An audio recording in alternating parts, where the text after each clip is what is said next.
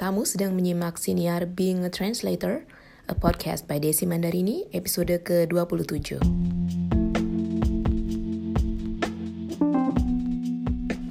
Selamat datang di podcast Being a Translator. Nama saya Desi Mandarini, saya adalah penerjemah dan juru bahasa lepas untuk pasangan bahasa Inggris Indonesia.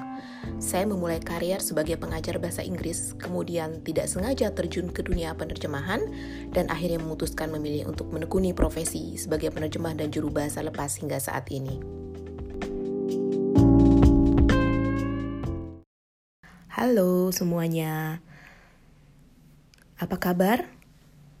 Terima kasih sudah setia menyimak siniar Being a Translator. Di episode ke-27 ini, saya ingin berbagi pengalaman tentang apa saja praktik terbaik bagi juru bahasa. Sepanjang pengalaman saya bekerja sebagai juru bahasa selama kurang lebih hampir 9 tahun, saya mempelajari banyak hal tentang bagaimana melaksanakan praktik terbaik dalam bekerja sebagai juru bahasa. Ada beberapa hal yang akan saya sebutkan di sini. Pertama adalah cara berpakaian yang baik dan profesional. Sebagai juru bahasa, terkadang kita lebih sering bekerja di belakang layar. Jadi posisi kita di belakang, apalagi kalau bekerja sebagai juru bahasa simultan dalam konferensi. Kita bekerja di dalam booth hanya berdua dengan rekan kerja kita. Meski demikian, tidak berarti kita bisa berpakaian sembarangan. Pilihlah pakaian yang terlihat profesional dan rapi.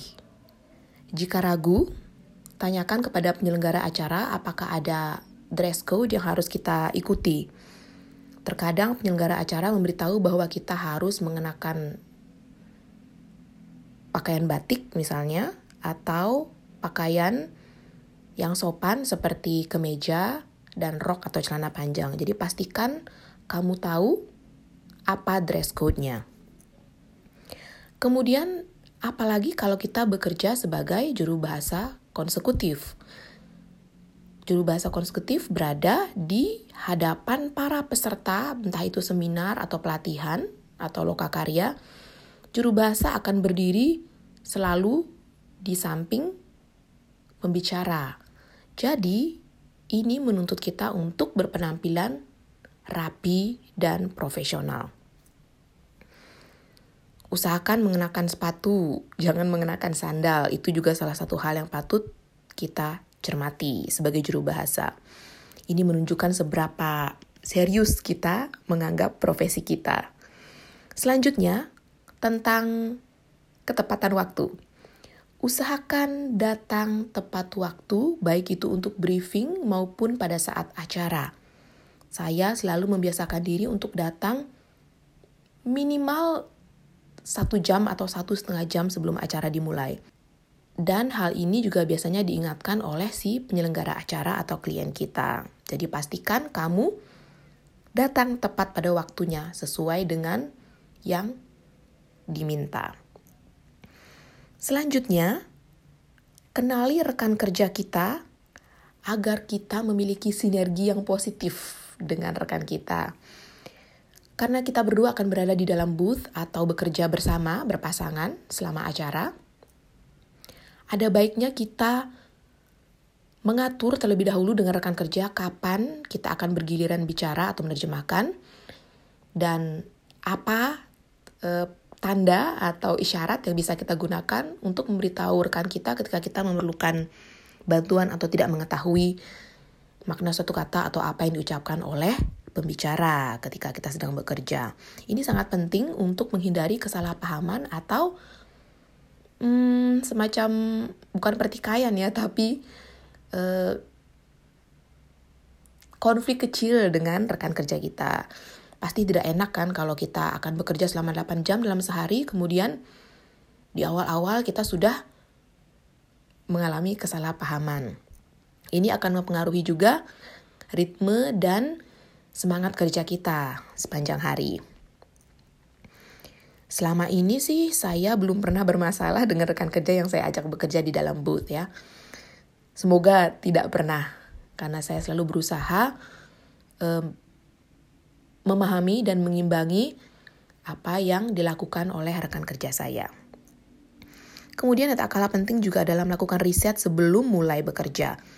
Jika kamu ditugaskan sebagai juru bahasa dalam suatu seminar tentang keamanan penerbangan, pastikan kamu sudah meminta seluruh materi atau jadwal acara atau semua bahan presentasi yang akan digunakan oleh si pembicara sebelum hari H.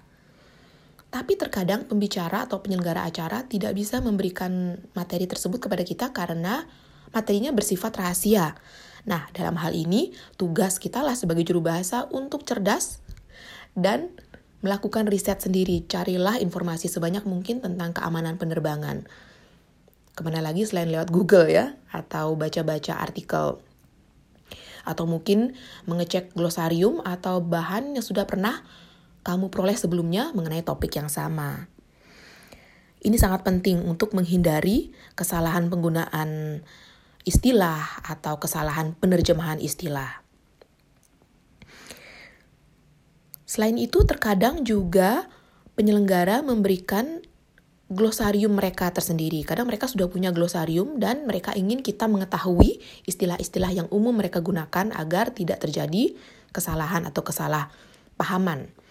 Nah, ini berarti kita sangat beruntung ya kalau memang diberikan ini. Saya pernah hanya dua kali diberikan daftar kata atau glosarium ini oleh penyelenggara acara. Selebihnya ya harus usaha sendiri, mencari dan melakukan riset sendiri. Kemudian setelah itu ada baiknya juru bahasa mematuhi kode etik profesi dan ini harus selalu dilakukan. Pastikan kamu tidak melakukan hal-hal yang akan merugikan rekan kerja kamu, dirimu sendiri sebagai juru bahasa, atau mempermalukan profesi juru bahasa.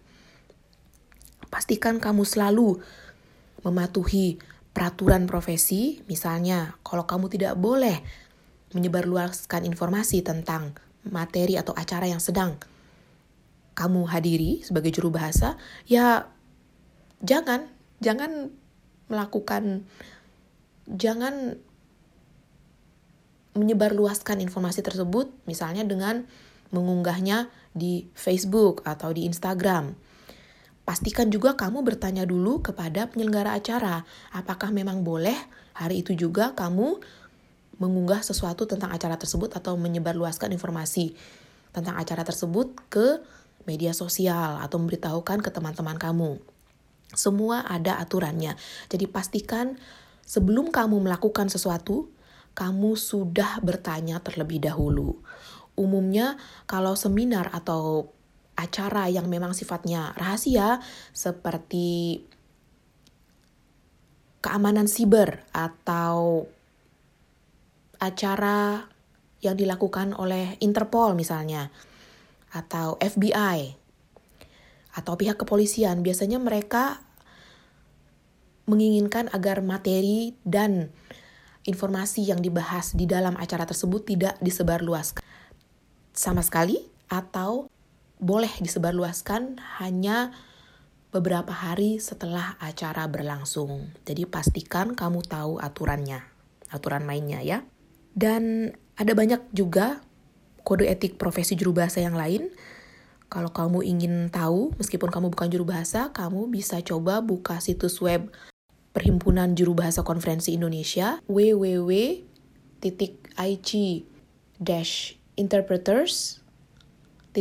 www.ic-interpreters.com Jangan khawatir, nanti semua tautan dan informasi yang saya sebutkan akan saya cantumkan di deskripsi untuk episode ini ya. Atau di show notes untuk episode kali ini yang bisa yang bisa kamu lihat di www.desimadalani.com garis miring blog. Nah, kita tiba di hal terakhir yaitu praktik terbaik terakhir menurut pengalaman saya. Ketahui batas hubungan antara klien dengan juru bahasa. Terkadang kalau bertugas selama beberapa hari dalam satu acara, penyelenggara acara meminta juru bahasa untuk ikut serta dalam beberapa kegiatan. Misalnya acara gala dinner atau makan malam, atau acara santai bersama para peserta atau para pembicara dalam acara tersebut. Jika memang ini wajib diikuti dan diharuskan oleh penyelenggara acara, sebaiknya juru bahasa mengikutinya. Tapi kalau memang tidak wajib sifatnya dan hanya bersifat hmm, santai saja, saya tidak akan mengikuti acara tersebut. Mengapa? Saya tidak ingin uh, pekerjaan jadi tidak ada batasnya dengan kehidupan pribadi. Menurut saya, tugas saya sebagai juru bahasa sudah selesai ketika acara sudah selesai. Misalnya seminar dari pukul 9 pagi sampai pukul 5 sore. Nah, Lewat dari pukul 5 sore, ketika jasa saya tidak diperlukan lagi untuk bertugas sebagai juru bahasa, maka saya tidak akan uh, saya akan memilih tidak bergabung dengan para peserta atau para pembicara dalam acara santai mereka. Jadi ini sebenarnya sih tergantung pada masing-masing juru bahasa ya. Ada yang suka berkumpul, ada yang lebih cenderung memilih uh, untuk tidak mencampur adukan antara uh, kegiatan profesional dengan kegiatan pribadi. Baiklah, sekian dulu hal-hal yang bisa saya bagikan tentang praktik terbaik bagi juru bahasa. Mungkin belum semuanya ya, tapi kalau kamu juga mengetahui beberapa hal yang belum saya sebutkan di sini, silakan seperti biasa kamu bisa kirim surel ke saya ke hello at desimandarini.com atau kirim pesan melalui media sosial saya. Terima kasih sudah menyimak episode kali ini dan sampai jumpa di episode berikutnya minggu depan.